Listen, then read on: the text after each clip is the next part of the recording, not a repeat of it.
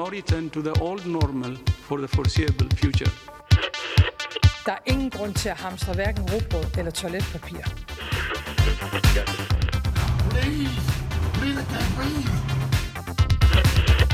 No politician in history has been treated worse. To use this beautiful game to actually change the world. Хотел бы ещё раз. поблагодарить всех, кто сделал свой ответственный выбор. We will succeed, and that success will belong to every one of us.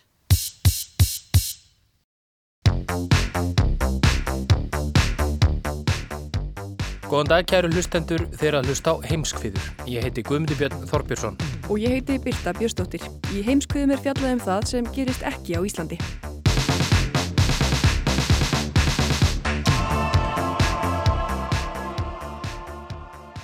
Við förum um víðan völl í þættinum í dag og ætlum meðal annars að segja ykkur frá grófu ofbeldi sem mótmælendur í Kvítarúslandi segja lauruglu beita sig. Þar hafa stjórnvöld beitt konur í stjórnmálum sérstökum kúunaraðferðum. Það er að hóta þeim því að ef þær hætti ekki stjórnmálaþáttöku þá verið börnin þeirra tekin af þeim. Dagni Hulda Erlendstóttir fjallar að um síðar í þættinum. Þá ættar Kári Gilvason að segja ykkur frá þeirri staðrind að í Al-Hól fangabúðunum í Sýrlandi hafast við um 60.000 konur og börn sem tengjast hriðuverkasamtökunum Íslamska ríkinu. Þaraf eru nær 35.000 börn undir 12 ála aldri, hverja fóreldrar hafa eða höfðu tengsl við samtökin. Ástandið í búðunum er hræðilegt, þar lést 331 barni fyrra. En hvaða framtíð býður þessara barna sem mörg eru fætt eða eiga ættir að rekja utan Sýrlands, meðal annars til Norðurlandana? Not what you've said, but and it's not what your party is, has said. That is simply your party a doesn't say it. Your party wants to go socialist. Hápunktur vikunar eða lágpunktur vikunar segja sumir voru líklega kappræðir þegar Joe Biden og Donald Trump aðfara nótt miðugudags. Já, er ekki flestir bara ennarinn að jafna sig á því? Þetta var í bestafalli áhugavert. Já, það er óhætt að segja það.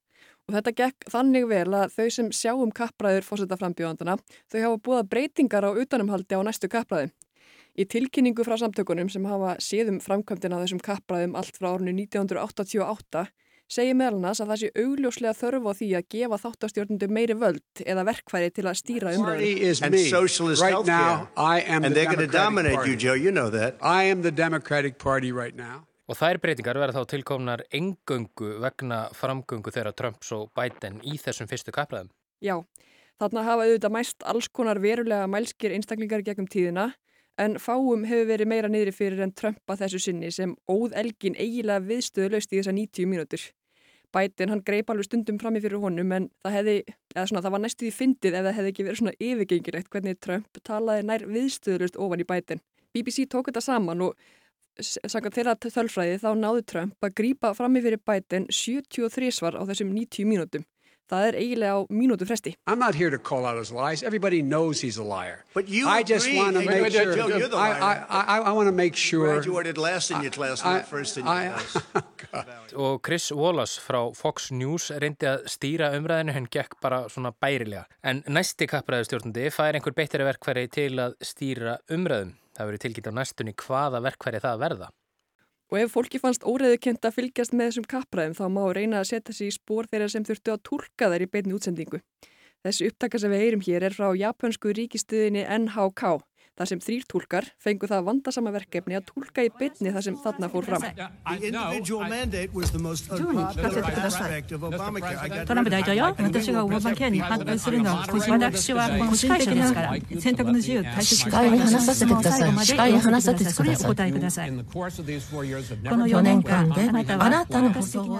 Ef einhver náða að halda þræði þarna þá eru velun í búi.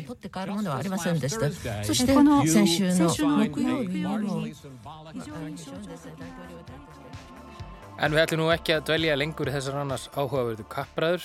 Nei, ekki nema til að fjalla stuttlegum það sem þar var fyrst til umræði. Skipan Nýs hæstarétta dómara í bandaríkunum.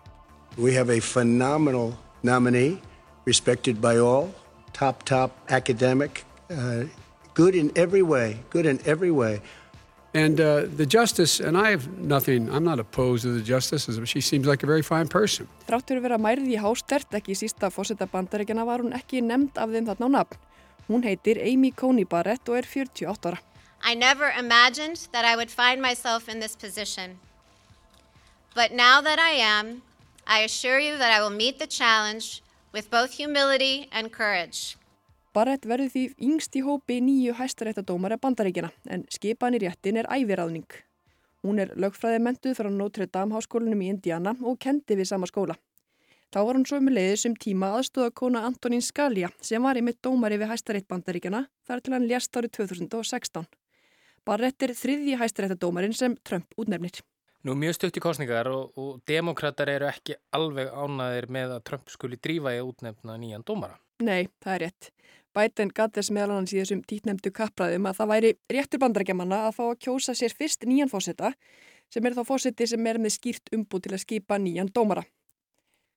Barack Obama hann tilnemdi Merrick Garland í stað áðurnemds Skalja 237 dögum fyrir fósettakostningarnar 2016 og það þótti republikunum allt og stuttu tími til kostninga. Núna er rétt rúmur mánuðu til kostninga. En er ekki demokrata bara óanæður vegna þess að Barrett er með já, talsvert aðrar áherslur en þeir flestir? Jújú, jú, það spilir auðvitað inn í. Hún er talin eiga stærstan hóp stuðningsfólks meðal íhaldsamra og kristina bandarækjamanna sem eru andvýr þungunarófi. Og það er það sem gerir hana umdelda. Hún hefur talað með lögjöf sem bannar konum að undiðgákast þungunaróf. Bara eftir sjálf stráng trúaður katholöki og hefur gegnum tíra tilert hópum sem vilja að eigin sögn venda líf ófætra barna, sama hvað. Það er allavega ljóst að það verður umtalsverður viðsnúningur á hugmyndafræði og áherslum í sætinu sem Barrett tekur við af Ruth Bader Ginsburg. Guðmundur Björn, þú ætlar að segja okkur aðeins frá henni.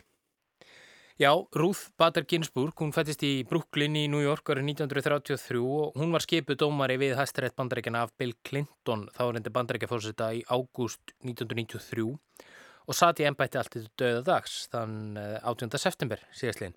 Hún lést af völdum krabbamins í Brisi.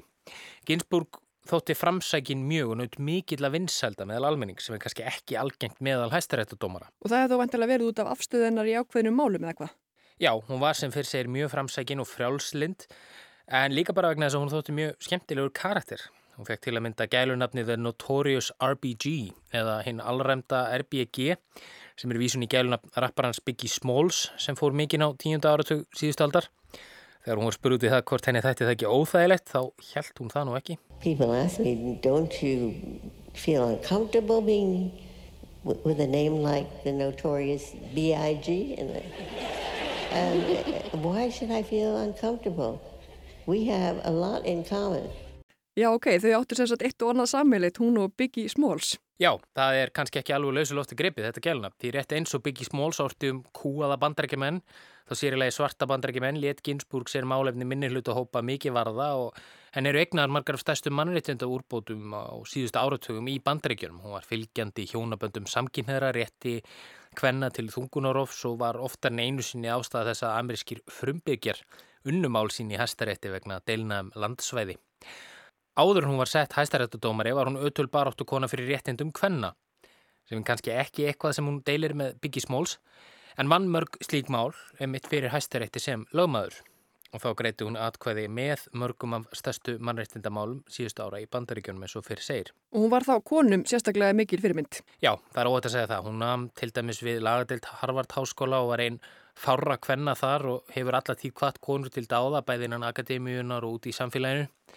Michelle Obama fyrir um fósettafrú bandaríkjana saði með hans í viðtali við Conan O'Brien eftir að Ginsburg fjall frá að missirinn væri mikill. To lose that kind of icon in this time uh, that we're in because we are facing some difficult times is heartbreaking um, uh, but it, it should also be eye-opening. Mar heyrir á Michelle Obama að fráfall Ginsburg er henni erfitt þá ekki síst vegna þess hversu mikil fyrirmynd hún var. En stærsta máli í þessu er þetta arftakinn sem þú rættir um hér áðan. Hún er eins ólík Ginsburg og hugsast getur og það var nákvæmlega það sem Ginsburg ótaðist. Donald Trump, fósiti bandaríkjana, skipar hæstaréttadómara sem sita allavega til dauðadags í embætti. Barnabark Ginsburg, lögfræðingurinn Klara Spera, greindi nýveri frá því að amma sín hefði sagt sér það að það veri hennar hinsta ósk að ekki er því skipað í hennar stöðu fyrir hennar fósettakostningunum loknum en er fara fram 3. november næstkomandi.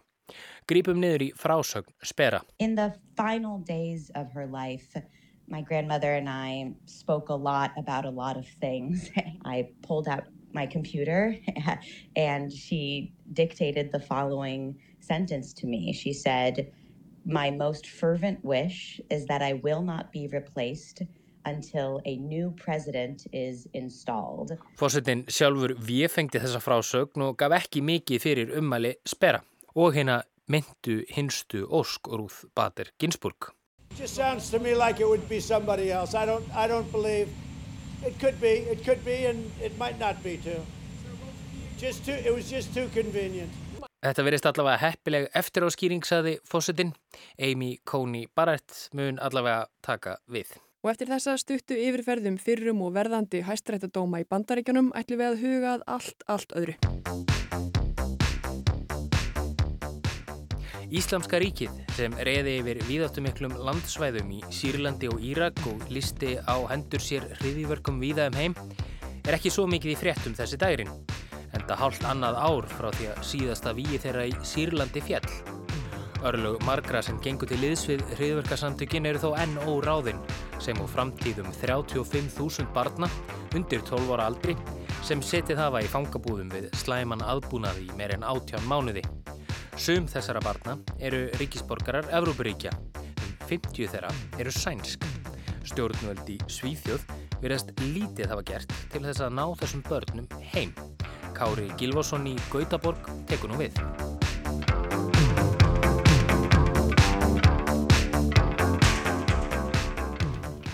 Och att se honom idag liksom springa med sina röda goda kinder så man, kan, man vill bara klämma så här. Och han springer och så säger han sina första ord och, så det, och han skrattar. Gautaborgarbúin Patricio Galvez lýsir hér dóttur sinni sínum sem er tveggjára í viðtali sem tekið var nú í sumar. Hann er með bollukinnar sem hann langar bara að klýpa í og hann hleypur um og nú er hann byrjaður að tala aðeins og hann hlær Þetta er indislegt, segir Galvez. Þetta hefur hins vegar ekki alltaf verið indislegt. Í fyrra vor var drengurinn vannærður, veikur og máttilítill, líkt og sískinni hans sex, enda aðstæður hörmulegar í fangabúðunum þar sem þau höfðust þá við. Patricio Galvez býr í vestur hluta Gautaborgar. Hann er ríflega 50 og bæði sænskur og tílianskur ríkisborgari sem kemur engum á óvart sem hefur séð hann spila með hljómsveitsinni Letzi Burre.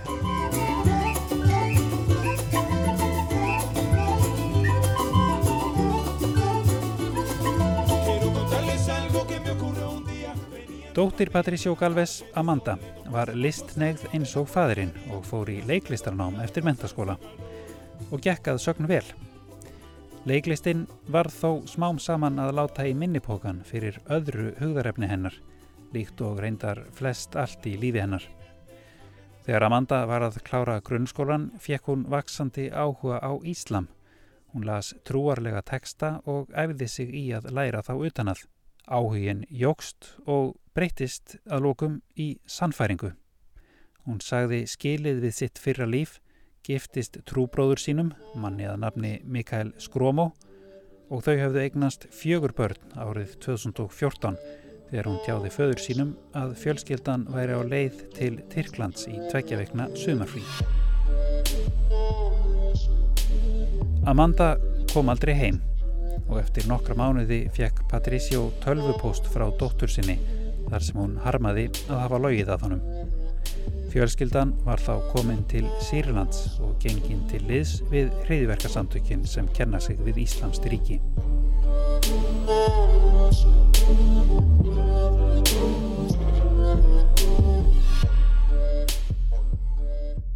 Sótt er gegn íslamistum liðsmannum hreyfingarinnar hins Íslamska ríkis Íraks og Levant í Írak og Sýrlandi. Á fjórða tug vopnaðra íslamista hefur fallið í Sýrlandi. Samtökin hafa verið nefnd ISIS en með breytingun í dag eru þau aðeins nefnd Islamic State eða Íslamska ríkið og vísanir í Írak, Sýrland eða Levant svæðið sem er Sýrland og nákrenni eru feldar út. Mikael Skrómó, eiginmaður að möndu, varð á þessum árum einn af þekktustu liðsmönnum Íslamska ríkisins af þeim sem koma frá Norðurlöndunum. Skrómó var mikilvirkur í að byrta myndir og myndbönd frá vývöllum Sýrlands þar sem hann, oft vopnaður og í herrklæðum, kvatti fólk frá Svíþjóð og Noregi til að koma til Sýrlands og ganga til liðs við samtökin. Á síðust árum hafa alls um 300 sænskir ríkisborgarar farið til átakasvæða til að taka þátt í stríði, engum í Sýrlandi og Írak. Um helmingur þeirra hefur síðan snúið aftur til Svíþjóðar að mati sænsku öryggislaugurlunar SEPO. ISIS continues to lose ground in Syria, but it's putting up a brutal fight. The group pushing them out, the Syrian Democratic Forces, have reason though to be hopeful. They believe these are the last days of the terror group's self-styled caliphate. Vorið 2019 fjall síðasta víi Íslamska ríkisins í Barkús og eftir það réðu samtökin ekki lengur yfir neinu landsvæði í Írak eða Sýrlandi. Patricio Galvez hafði allan þennan tíma í um fimm ár lagt sig fram um að halda að vinstakosti einhverju sambandi við dóttur sína. Hann fekk einstaka SMS frá Amöndu og talaði stundum við hana í síma. Hann reyndi eftir fremsta megni að gaggrína kvorki hana nýja eiginmann hennar, nýja heldur þá ákverðun þeirra að halda til Sýrlands. Slík gaggríni gæti orðið til þess að hann misti allt samband við dóttur sína og barnabörn. Þeim fjölgaði. Þrjú börn fættust inn í fjölskylduna eftir að hún flutti inn á yfirraðasvæði hins svonenda Íslamska ríkis. Mikael Skrómá er talin hafa látið lífið í mars 2019 þótt dauði hans hafi reyndar aldrei verið staðfestur. Amanda fjell í loftarás í lok árs 2018. Börnin þeirra sjö, nú foreldralaus, það yngsta ekki orðið eins árs, voru flutt í Al-Hol fangabúðunar í norð-austur Sýrlandi þar sem þau höfðust við ásamtum 70.000 konum og börnum sem tengdust hinnu fallna ríki hriðiverkasamtakana. Það var á þessum tímapunkti sem Galvez ákvað að leggja af stað sjálfur til Sýrlands til að freista þess að bjarga lífi barnabarna sinna. Með stuðningi vina, kunningja og velvildar fólks tókst honum að komast frá Gautaborg til norðaustur Sýrlands á yfiráðasvæði Kurta og hitta loks börnin í fangabúðunum. Þau voru ekki vel á sig komin. Ja, barnen de hade feber, de hostade, vissa orkade inte ens sitta. Liksom, de är väldigt hungriga. Börnin voru með hita og hóstuðu, saði Galvis í viðtali við sænska ríkisútvarpið um þetta leiti. Þau voru soltin, vannar. Vårdpersonalen i lägret eh, talade för mig att eh, här kan de inte få all den vård som de behöver. De själva sa liksom skynda dig och ta ut barnen härifrån innan det är för sent. Heilbriðistarsfólk í búðunum kvatti Galves að hans sögn til að fara með börnin þaðan eins fljótt og auðið væri. Í alhól gætu þau ekki fengið þá heilbriðistjónustu sem þau þurftu nöðsynlega á að halda. Það var þó ekkert einfalt mál eða sjálfsagt að hafa með sér börnin. Til að meiga taka börnin þurfti Galves að sína kurdiskum yfirvöldum opinbera beðinni frá sænskum stjórnvöldum og það virtist ætlað að verða flókið mál að verða sér út um hana. Processen är komplex, säger man på UD i Stockholm. Det handlar om tillstånd, om att säkra barnens identitet. Bara Þetta ferli er flókið, hafði sænska ríkisútvarpið eftir starfsmönnum utanríkisráðanittisins. Það þurfi leiði og það þurfi að ganga úr skugga um hver börnin séu. Og það er ekki bara við um barnabörn Patricio Galvez, heldur öll sænsk börn með tengsl við hriðverkasamtökin sem kenna sig við Íslands ríki. Galvez hjælt því til borgarinnar Erbil í Írak, skráði sinn á hótel og beigð í meira en þrjár vikur. Þegar fréttamaður sænska ríkisútvarpsins hitti hann á hótelinu, kvartaði Galvez undan því að geta ekki hitt börnin eða einu sinni ringt í þau til að segja þeim að þetta erði allt í lægi, afið þeirra væri að býða eftir þeim. Hann hafði keift mat og keks og leikföng, Lego, og útbúið stórt fleti á gólfinu þar sem börnin gætu sofið öll saman í einni kös og upplifað öryggi. Alla sängar där, ser du? Det är liksom, tanken är att de ska, sova, två, två barn kan sova í sama seng. De har sagt að... Börnin voru öll veik þegar þau losnuð úr fangabúðunum og þegar þau komu loks til Svíþjóðar voru þau falin í umsjá félagsmála yfirvalda í Gautaborg og þeim fundnir forðamenn. Nú í sumar rúmu ári eftir að börnin komu til Svíþjóðar, sagði Galves við sænska ríkisjónarpið að þeim liði öllum vel. Þau byggju hjá góðum fjölskyldum, væru örug, hefðu náð heilsu og væru glöð og leku sér. De får allt den kärlek liksom och uh, omvård som de behöver. Þau fá allan þann kærleika og þá umönnun sem þau þurfa, saði Galves.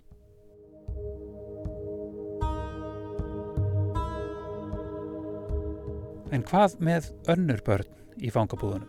Fyrir tveimur vikum byrti rannsóknar nefnd á vegum mannréttindaráðs saminuðu þjóðuna skýrslu um ástandið í Sýrlandi meðal annars í fangabúðunum í Al-Hol. Um einu og halvu ári eftir að barnabörn Patricio Galvez komu til Svíþjóðar eru í fangabúðunum um 60.000 konur og börn sem tengjast hinnu svokallaða Íslamska ríki. Þaraf eru nær 35.000 börn undir 12 ára aldri. Pálo Sergio Pinheiro sem fór fyrir rannsóknarnend saminuðu þjóðana sagði aðbúðnaðin í Al-Hol hryllilegan. To hold so many young children in inhumane conditions for 18 months without any legal recourse is not only unlawful but also shameful. Að svo mörg ung börn séu í haldi við svo ómannúðulegar aðstæður í svo langan tíma án þess að þau geti leitað réttar síns. Það er ekki bara ólöglegt, heldur skammarlegt, saði Pinheiro.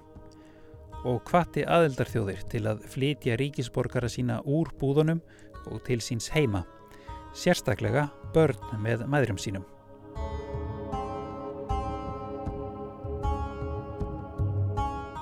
Þetta veriðast þó svíjar treyir til að gera. Talið er að um 50 börn sænskra ríkisborgara séu enn í fangabúðunum alhól og beðinn þar getur verið banvæn. Matur og helbriðistjónustæðir af skortnum skamti í búðunum, sultur, sjúkdómar og ofbeldi er daglegt brauð. Á síðasta ári lést 331 barn í búðunum.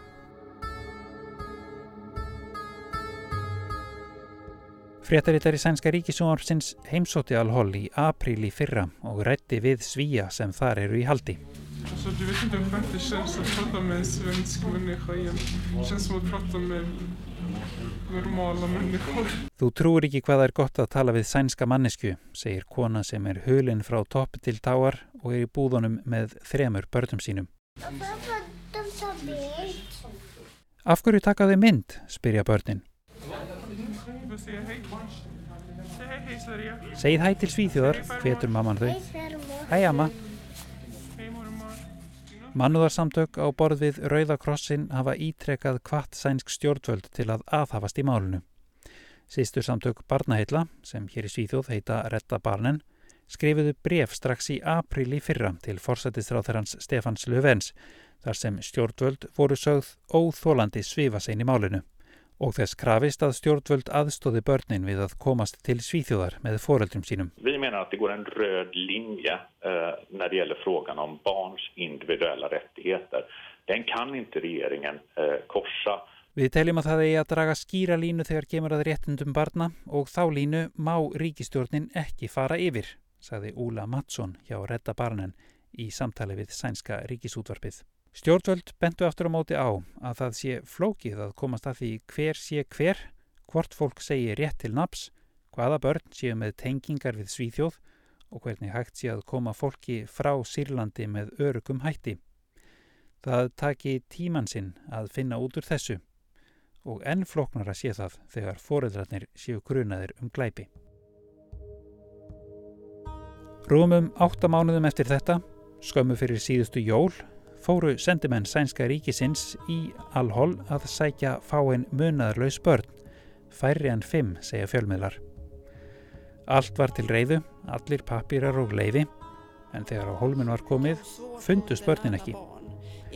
Utanikistráðarann Ann Linde sagði að ættingjar barnana hafi falið börnin. Þetta var ekki bara auðlaháttur í svíum. Aðstæður í Al-Hol eru erfiðar.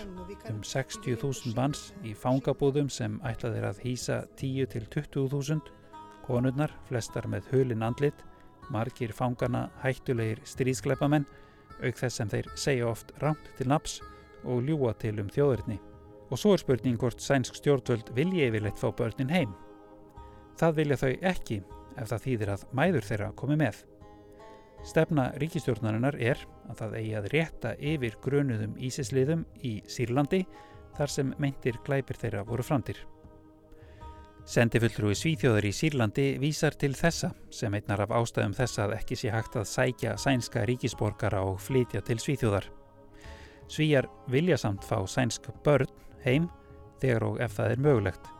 Sendifulltrúin viðurkendi samt í samtali við dagblæðið Expressin í sumar að það gangi ítla að fá sænsk börn heim. Ástæðan er að kurdar sem stýra al-hol fangabúðunum eru mótfallnir því að börn séu skilin frá mæðurum sínum. Slíkt sé ekki í samræmi við barnasáttmála saminuð þjóðana.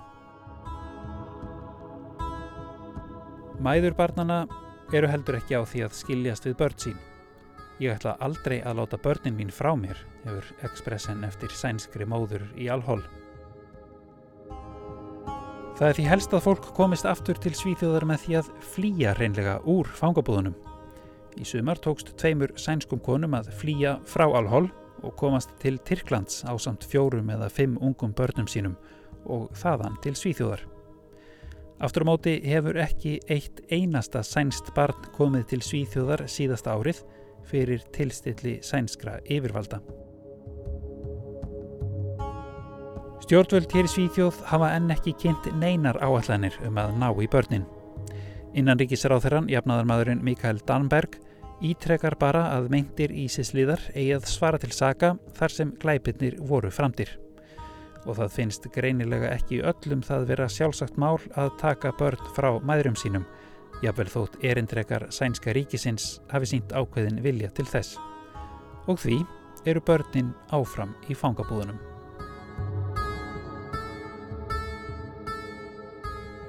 Kuldaleg uppafsorð brekkugotsanáls eiga kannski óvíða jafn vel við og í tilfelli barnabarna Patricio Galvez. Vitur maður hefur sagt að næst í að missa móður sína sé fátt hotlara ungum börnum en að missa föður sinn. Kanski var það barnabörnunum til lífs að vera munaðarlaus, en þau voru auðvitað líka heppin að eiga dugmikinn afa sem gatt sótt þau og komist í gegnum allar skrifræðislegar hindranir. Þau þrýfast vel í dag, segir afinn, öll sjö. En á meðan eru um 50 sænsk börn og líklega um 35.000 börn til viðbútar föst í einhvers konar djöfulegu limbói í al-hol fangabúðunum. Það getur verið gott að eiga afa eins og Patricio Galvez.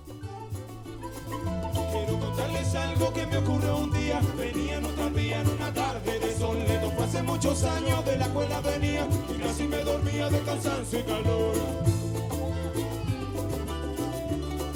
Cansancio y calor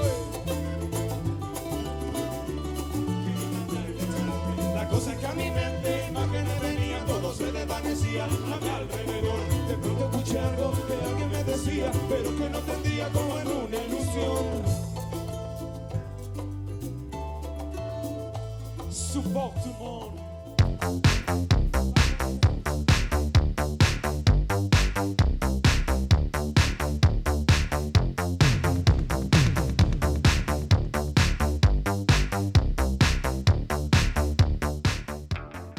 Frá Svíþjóðu Sýrlandi höldum við til Kvítarúslands. Það hafa búrist fréttir af grófu ofbeldi lögreglu gegn mótmælendum síðan fósittakostningar fóru fram þær landi þann 9. ágúst. Dagný Hulda Erlendsdóttir rætti við sérfræðing hjá mannrittindavaktinni sem var nýlega í Kvítarúslandi og rætti við fólk sem hefur verið beitt ofbeldi af lauruglu. Ofbeldið hefur tekið á sig ímsar myndir, sangvat frásögnum. Það er líkamlegt, kynferðislegt og andlegt. Svo hafa stjórnvöld beitt konur í stjórnmálum sérstökum kúunaraðferðum. Það er að hóta þeim því að ef það hætti ekki stjórnmálaþáttöku þá verður börnin þeirra tekin af þeim. Við vörum við lýsingum í þessum pesli.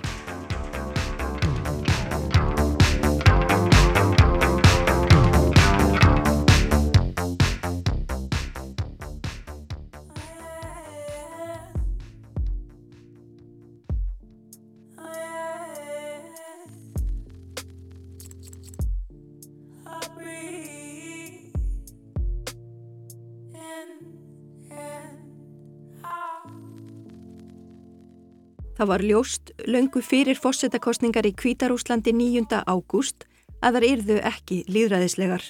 Sigur stránglegustu mótframbjóðendur Aleksandrs Lukasjanka fórsetta voru fangelsaðir eða neittust til að flýja land.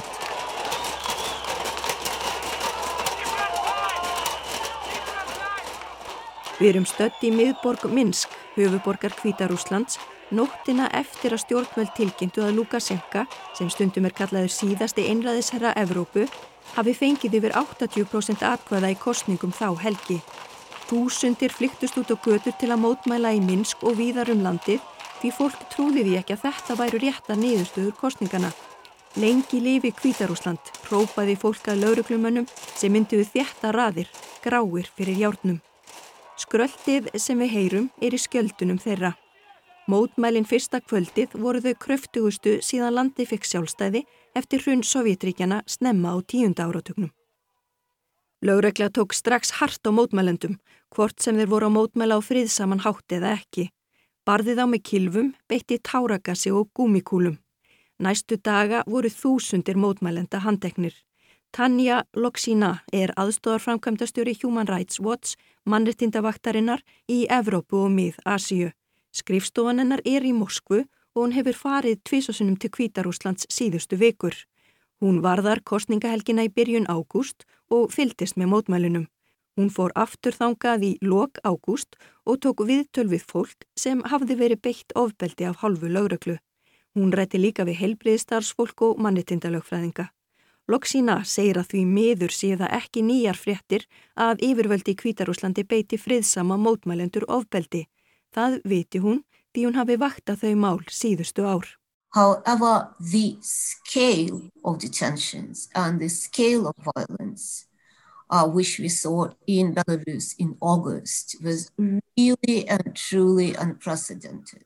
Hún segir að það hafi ekki gerst áður að svo viðtæku ofbeldi hafi verið beitt eins og í ágúst, nýjað svo margir hafi verið handeknir. Þá hafi lögreglan heldur ekki beitt gummikúlum, kveldsprengjum, háþristidælum og táragassi í þeim mæli sem gert var í ágúst. Mótmælin hafa haldið áfram og eru alltaf fjölmennustum helgar. Á laugardögum eru haldnar kvennagöngur og sunnudögum eru mótmæli um allt landið. Talið er að í Minsk komi yfir 100.000 manns saman til að mótmæla á sunnudugum. Close to 7,000 people actually got detained by police across Belarus in less than four days. That's a huge number. Hátt í 7.000 voru handtekinn og aðeins fjórun dögum í byrjun mótmælana. Hundru voru pintuð eða beitt ofbeldi af hálfu lögreglu, bæði karlar og konur. Loksína segir að markmiði hjá yfirvöldum hafi verið að hræða fólk að fá það til að hætta mótmælunum og sætta sig við að Lukasjenka yrði fórseti áfram. Hið gagstæða hafi þó gerst. Instead of leaving the streets and sitting quietly at home Í stað þess að hætta mótmælum og halda sig heima, hjælt fólk áfram að koma saman á götum úti og mótmæla. Mótmælendum fjölgaði og nú voru þeir ekki aðeins að mótmæla kostningasvindli, heldur líka því grimmilega ofbeldi sem lögregla beitti fólk. That the wave of indignation swept over the society of Belarus when people realized the number of detentions and what was actually being done to people, the beatings, the electric shocks, the vile threats of rape, the horrid torture. This is what made the protests so powerful.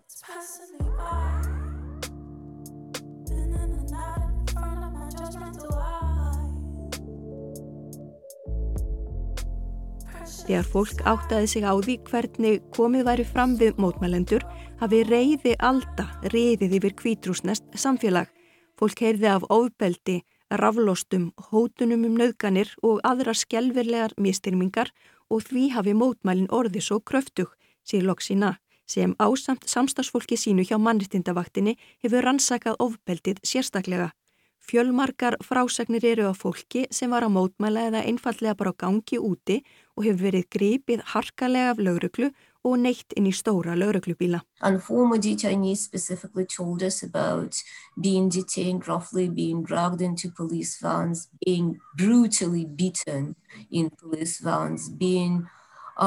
pulled in there with many other people and put literally on top of other people. Fólkið sem Loksína rætti við var dreigið inn í lauruglubíla, barið og er bókstaflega staflað hverju ofan á annað. Það er sparkað í fólk, það er kýlt og látið hafast við í lauruglubílum klukkutímum saman í loftlitlu rými þar sem erfitt er að ná andanum. Svo er ekki með fólk í fangelsi. Þar tekur ekki betra við og ofbeldið heldur áfram. Í fangilsunum er litla sem enga næringu að fá, fólk neyðist til að gera þarfir sínar inni í klefanum og aðeins örfáum stendur til bóða heilbriðstjónusta eftir barsmiðarnar. Og höfum í huga að oft er fólk beinbrotið, illamarið með heilarhristing eða aðra alvarlega áverka sem flestir eru sennilega sammála um að eðlilegt sé að leita til heilbriðstarfsfólks með. People were squashed into cells meant for four or six. Tugum er tróðið inn í klefa sem ætlaður eru fjórum til sex manneskjum. Loksína tók við törfi fólk sem hafi verið haldið í fangaklefa með fjórum rúmum með 30 til 40 öðrum manneskjum.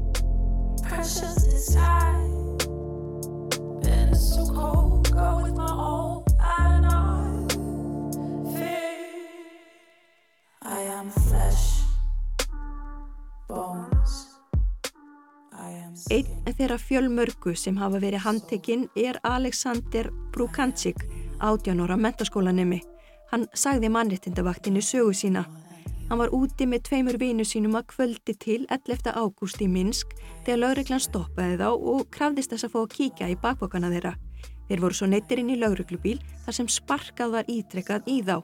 Buksutna þeirra voru skortnar í sundur yfir rassin og þeim var hótað að handsprengju yrði tróðið upp í endaþarminn. Alexander var með axla sítt hár og einn lauruglumannana klifti hárið og sagði að nú var hann tilbúin til að gangi í herin. Vinirni þrýr voru svo færðir í annan lauruglubíl sem var stapp fullur á fólki og gólfið þakki blóði eftir barsmíðar. Lauruglumadur sparkaði fast í andlit Alexanders sem nefnbrotnaði við höggið. Vinirni þrýr voru fluttir í fangelsi þar sem óbeldi helt áfram. Þeim var gefið raflost og hótað að þeim erði nöðgað með lögreglukilfu. Þeim var sleft tveimur dögum síðar og þá gáttuður loks leita til læknis.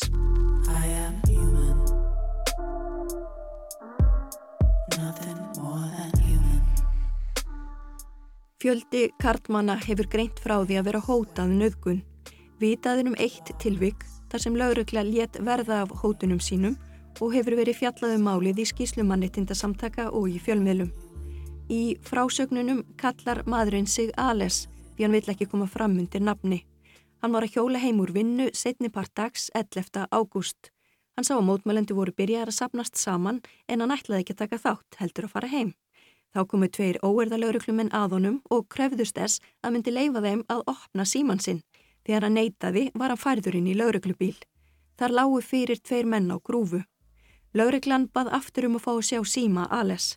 Hann ákvaða að láta undan og síndi þeim síman í vonum að hann erði látin laus. Í símanum sáu lauruglumennir myndband frá mótmælum deginum áður. Á því mótti sjá lauruglumenn í átökum við mótmælendur. Eftir að þið sáu myndbandið börðu þeir hann við kilvum viðsvegarum líkamann Þeir öskruðu á hann að hann hefði skipulagt mótmælinn og að hann myndi ekki sleppa frá þeim á lífi.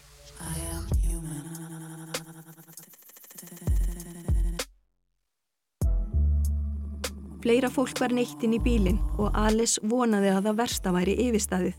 Svo var ekki. Hann var aftur byðin um að opna síman en neitaði því hann óttaðist að þar sæju lauruglumenn vini hans og myndu handaka þá. Lauruglan kallaði þó til einhvert sem Alice tilur að sé yfirmaður í lauruglunni. Hann var með svarta grímu fyrir andlitinu eins og aðri lauruglumenn í mótmælunum. Hann hótaði Alice við að ef hann myndi ekki opna síman sinn, myndi hann stinga lauruglukilfunni sinni upp í endaþarmin á honum. Hann skar buksur og nærbuksur Alice í sundur að aftan, setti smokk yfir kilfuna og let verða af hótunum sínum. Þegar hann dró kilfuna út, krafðist hann þess á nýja fá aðgangsorði að símanum. Alice neytaði en var þá barinn með þeim afleiðingum að tvær framtennur brotnuðu. Eftir þetta neytti lauruglumadurinn Ales til að fjarlæga smokkin af kilfunni.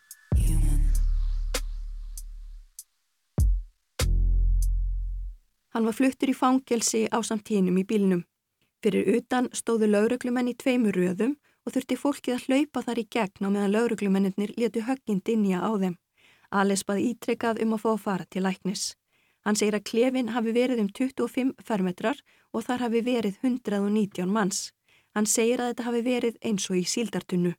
Um einum og hálfum sólarning síðar komst hann undir læknisendur. Hann hefur kert ofbeldi til lauruglu.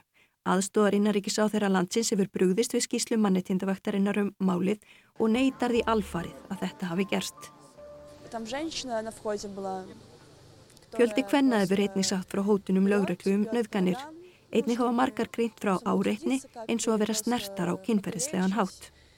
Einn þeirra er Alexandra sem sagði í fjölmilunum Radio Free Europe og Radio Liberty sögu sína.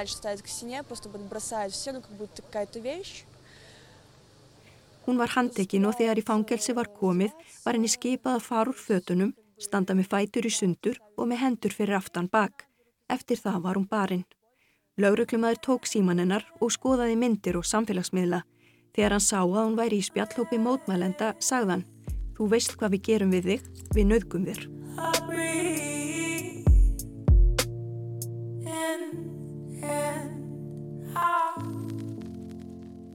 Lauruglumennir hótuð að drepana og grafa líkið í skóginum.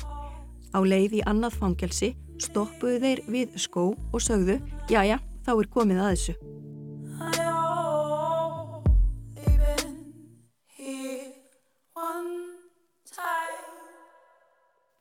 Það hefur löngum verið þekkt að nauðganir séu notaðar sem vopn í stríði, líkt á gert í stríðunum í Ruanda og Bosníu Loksína segir að enn sem komið er sé ekki eftir að líta svo á að nauðgunum sé beitt á kerfispundin hátt í Kvítarúslandi.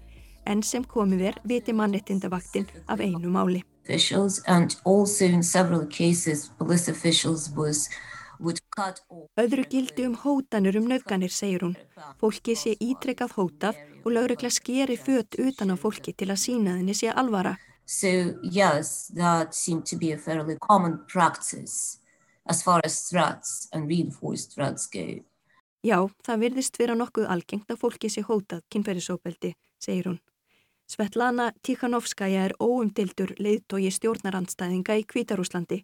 Hún ákvaða að bjóða sig fram gegn Lukasjenka eftir að eigimadurinnar sem ætlaði að bjóða sig fram var fangelsaður. Í kostningabaráttunni sendi hún börn sín úr landi. I've got telephone call from a known person who told me that if I continue to run this campaign I will be jailed and my children will be put in orphanage. Í þessu viðtali við New York Times sem við heyrðum brotur sagði hún frá því að hafa fengið símtal, hún veit ekki frá hverjum það var, þar sem henni var hótað að ef hún myndi halda kostningabaráttunni áfram er hún fangelsuð og börninar sett á heimili fyrir munaðurlausa. Loksína segir að hótanir sem þessar hafi tíðkast í þó nokkur tíma í landinu.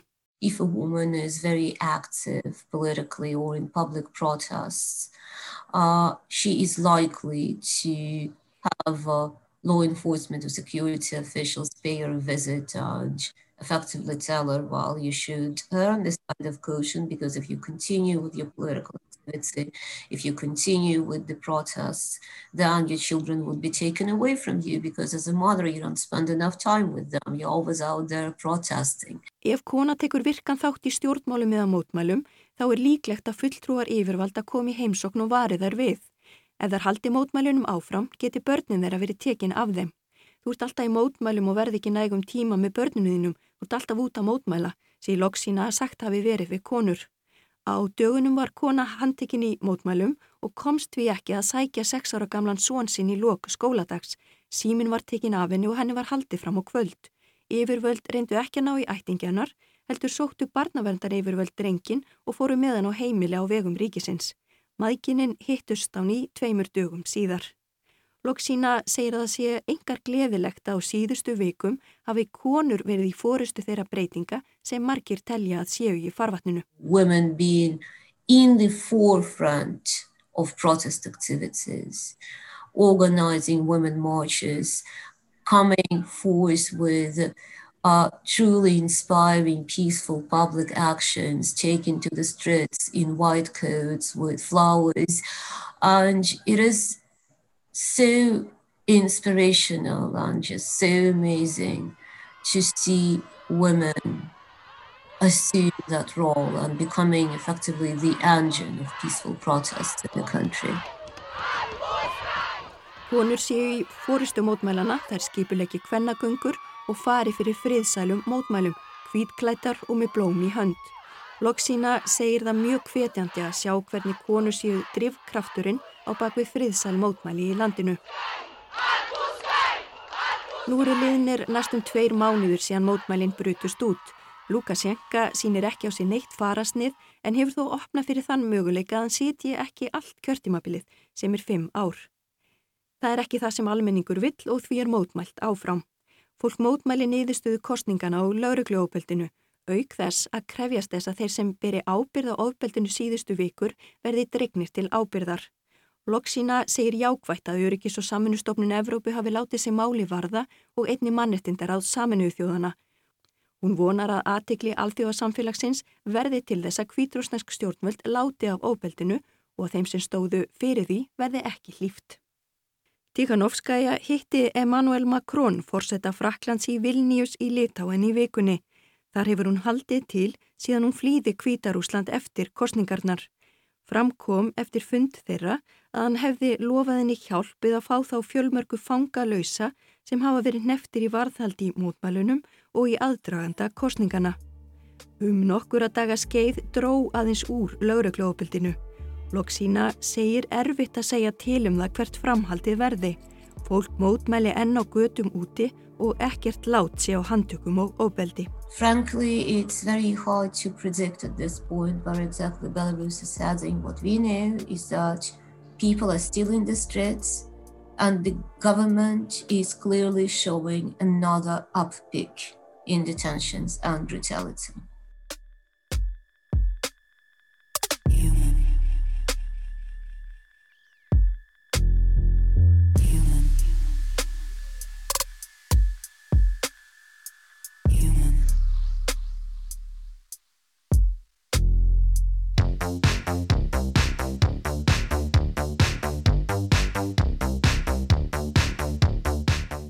Með þessu líkur heimskviðunum okkar í dag. Þennan þátt og alla heina 47 þættina af heimskviðum má hlusta á í spilaranum á rúf.is og á lang flestum ef ekki öllum hlaðvarpsveitum. En við þökkum þeim sem hlýtu og heyrumst aftur í næstu viku.